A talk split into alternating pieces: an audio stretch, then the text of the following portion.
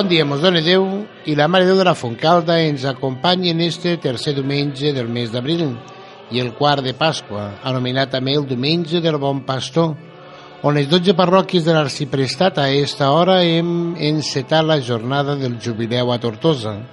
Saludem a la gent gran, als malalts i a tots aquells que cada setmana escolteu este programa religiós de la veu de l'Església Gandesa. A tothom, molt bon dia.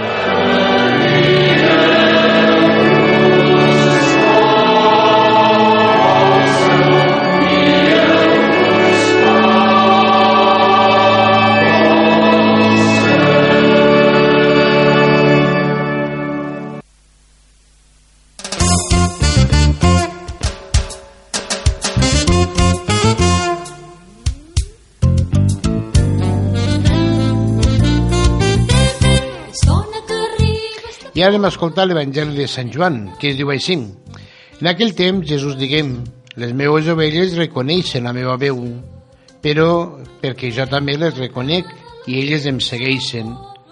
Jo els dono la vida eterna, no es perdran mai ni me les prendrà ningú de les mans. Allò que el Pare m'ha donat val més que tot, i ningú no ho podrà arrencar de les meves mans. Jo i el Pare som un. L'escena és tensa i conflictiva. Jesús està passejant dins del recinte del temple. Tot d'una, un grup de jueus l'envolten assetjant-los amb aire amenaçador. Jesús no s'intimida, sinó que el retreu obertament la seva manca de fe. Valtres no creieu perquè no sou de les meves ovelles, els diu. L'evangelista diu que en acabar de parlar, els jueus van agafar pedres per apedregar-lo. Per provar que no són ovelles seues, Jesús s'atreveix a explicar-los què significa ser dels seus. Només subratlla dos trets, els més essencials e indispensables. Les meves ovelles escolten la meva veu i em segueixen. Després de 20 segles, els cristians necessitem recordar de nou que l'essencial per a ser església de Jesús és escoltar la seva veu i seguir els seus passos. El primer és despertar la capacitat d'escoltar Jesús, desenvolupar molt més en les nostres comunitats aquesta sensibilitat que és viva en molts cristians senzills que saben captar la paraula que ve de Jesús en tota la seva frescor i sintonitzar amb la seva bona notícia de Déu. Joan 23 va dir en una ocasió que l'Església és com una vella font de poble de l'aixeta de la qual ha de brollar sempre aigua fresca. En aquesta església vella de 20 segles hem de fer-li brollar l'aigua fresca de Jesús. Si no volem que la nostra fe es vagi diluint progressivament en formes decadents de religiositat superficial, enmig d'una societat que envaeix les nostres consciències amb missatges, consignes, imatges, comunicats i reclams de tota mena, hem d'aprendre a posar al centre de les nostres comunitats la paraula viva, concreta i inconfusible de Jesús, el nostre únic Senyor. Però no n'hi ha prou d'escoltar la seva veu. Cal seguir a Jesús.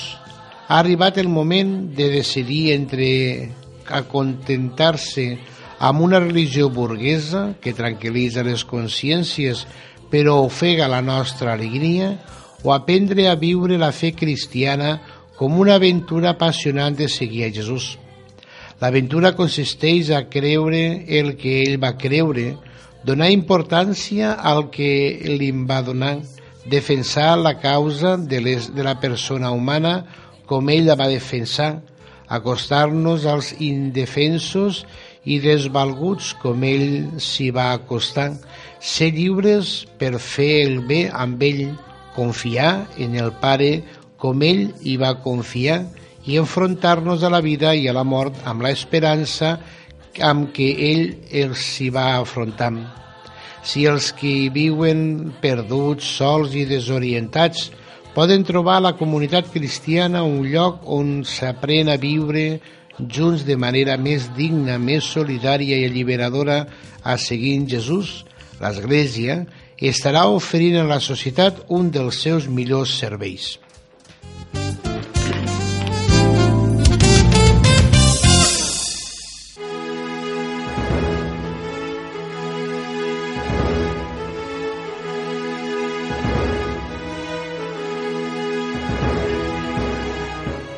I ara anem a recordar els sants que celebrem durant aquesta setmana. Avui diumenge, dia 17, Sant Anicet.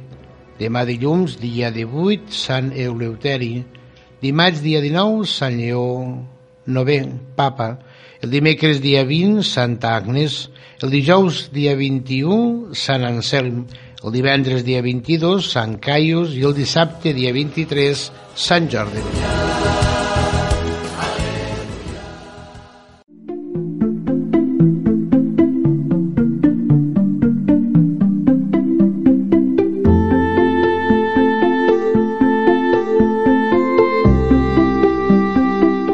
Paraules de vida.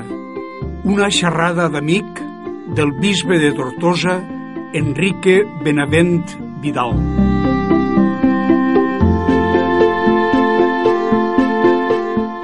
Va ser el beat Pau VI qui va determinar, ja fa més de 50 anys, que el quart diumenge de Pasqua se celebrara en l'Església la Jornada Mundial de Pregària per les Vocacions. Per ser el dia en què es proclama en la celebració de l'Eucaristia el text evangèlic en el que Jesús es presenta a si mateix com el bon pastor. Tots som conscients de lo necessàries que són i de la riquesa que suposen per a l'Església les vocacions al ministeri sacerdotal i a la vida consagrada. Les diòcesis i les parròquies diuen com un empobriment la desaparició d'una comunitat de vida consagrada en un poble, o el fet de que una comunitat cristiana, que ha tingut sempre un sacerdot residint i acompanyant el seu camí de fe, passe a ser atesa per un pastor que resideix en un poble pròxim. Hem de ser conscients que això ho estem vivint en la nostra diòcesi. Dos comunitats religioses, una de vida activa i una altra de vida contemplativa, han deixat d'estar entre nosaltres és celebrat les exèquies de deu sacerdots i únicament s'ha ordenat un, que està també entre els difunts. Malgrat això, hem de donar gràcies a Déu pel fet de que durant aquest temps tres joves han ingressat en el seminari major i perquè en les cases de les congregacions religioses presents en la diòcesi s'han celebrat sis professions solemnes – són les preocupacions i les esperances que com a comunitat cristiana hem de conèixer i compartir. El papa Francesc, en el missatge que ens ha dirigit amb motiu d'aquesta jornada, titulat L'Església Mare de Vocacions, ens anima a veure les vocacions particulars com a dons de la Divina Misericòrdia i al mateix temps ens recorda que l'Església, i per tant les famílies cristianes i les comunitats parroquials, està cridada a ser la terra on la vocació germina, creix i dona fruit. La primera crida que el Senyor ens ha fet a tots el dia del nostre baptisme va ser a pertànyer a l'Església. Vivint en ella, cadascun dels cristians ha de descobrir la seva vocació particular – la missió que el Senyor ha pensat per a ell.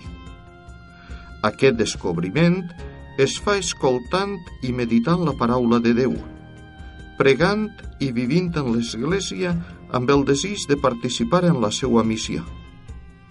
Per això, el papa ens recorda que tota vocació naix en l'Església, creix i està sostinguda per ella, pel que ha de viure's en comunió amb ella i amb el desig de posar-se al seu servei. Tots els cristians i agents de pastoral tenim una responsabilitat en el foment i l'atenció de les vocacions sacerdotals i consagrades. Els pares cristians, si volen viure cristianament la seva missió, no poden dificultar la vocació d'algun dels seus fills o filles impedint el seu seguiment del Senyor els sacerdots tenen una responsabilitat especial en l'atenció pastoral de les vocacions. És important que en les comunitats i institucions educatives cristianes es cree un clima de valoració positiva de les vocacions que contrarrestre l'ambient del nostre món i que en totes les parròquies s'arribi a viure la maternitat de l'Església en cada crida, com diu el papa, a través de l'oració perseverant per les vocacions. Que la nostra oració siga escoltada pel Senyor. Fins la setmana que ve.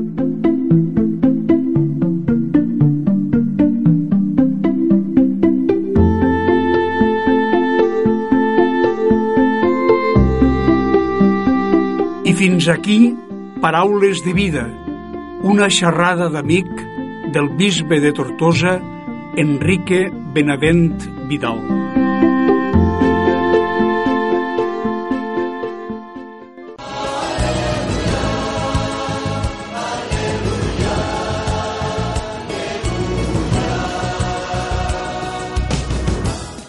Iniciem les notícies parroquials dient que avui diumenge a les 9 del matí han sortit des de Caseres i a les 9 i quart des de Corbera d'Ebre els dos autobusos que participem del jubileu de les 12 parròquies de l'arxiprestat de la Terra Alta a Tortosa. Ara a les 11 se comença la celebració al convent de la Puríssima i anirem en processó fins a la catedral, on passarem per la Porta Santa i celebrarem la missa presidida pel nostre bisbe, don Enrique. La vida es respecti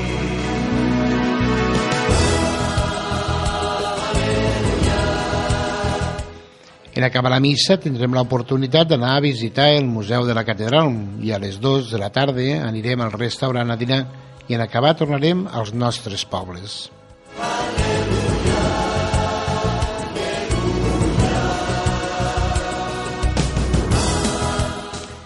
I en els autobusos hi participem 84 persones i altres que anirem, que anirem en cotxes particulars o gent que viuen a Tortosa però participaran d'aquest jubileu esperant que sigui un dia ple de fe i de convivència comarcal.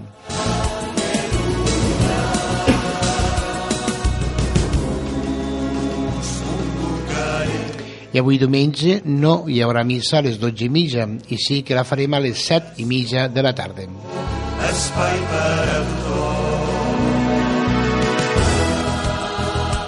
I el divendres, dia 22 de setembre, hi ha la novena de a la Mare de Déu de la Fontcalda. Nou dies que ens ajudaran a preparar-nos per a la romeria que és l'1 de maig. No hi faltem, Maria ens espera.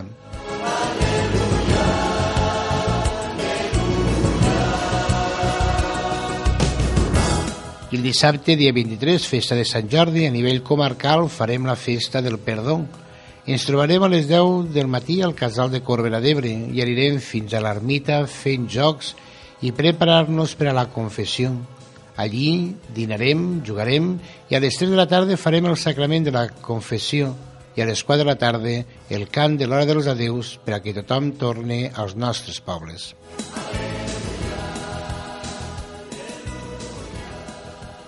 I el diumenge, dia 24, a Tortosa hi haurà, un, com cada any, la Festa del MIT, Moviment Infantil Diocesà.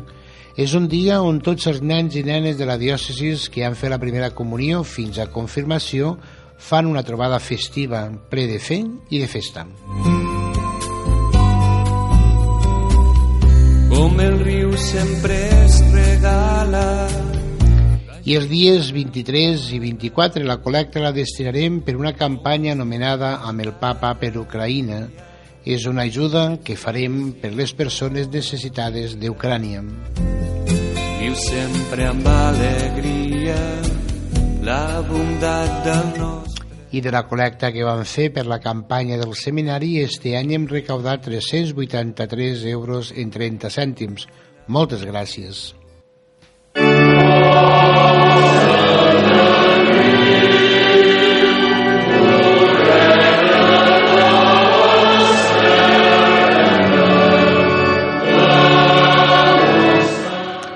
I això és tot per aquesta setmana. Que tinguem un bon dia del Senyor en companyia dels nostres familiars i amics. Fins la setmana vinent, si ha de plou. I com no, que passeu un bon dia, recordeu de regalar una rosa i, com no, un llibre.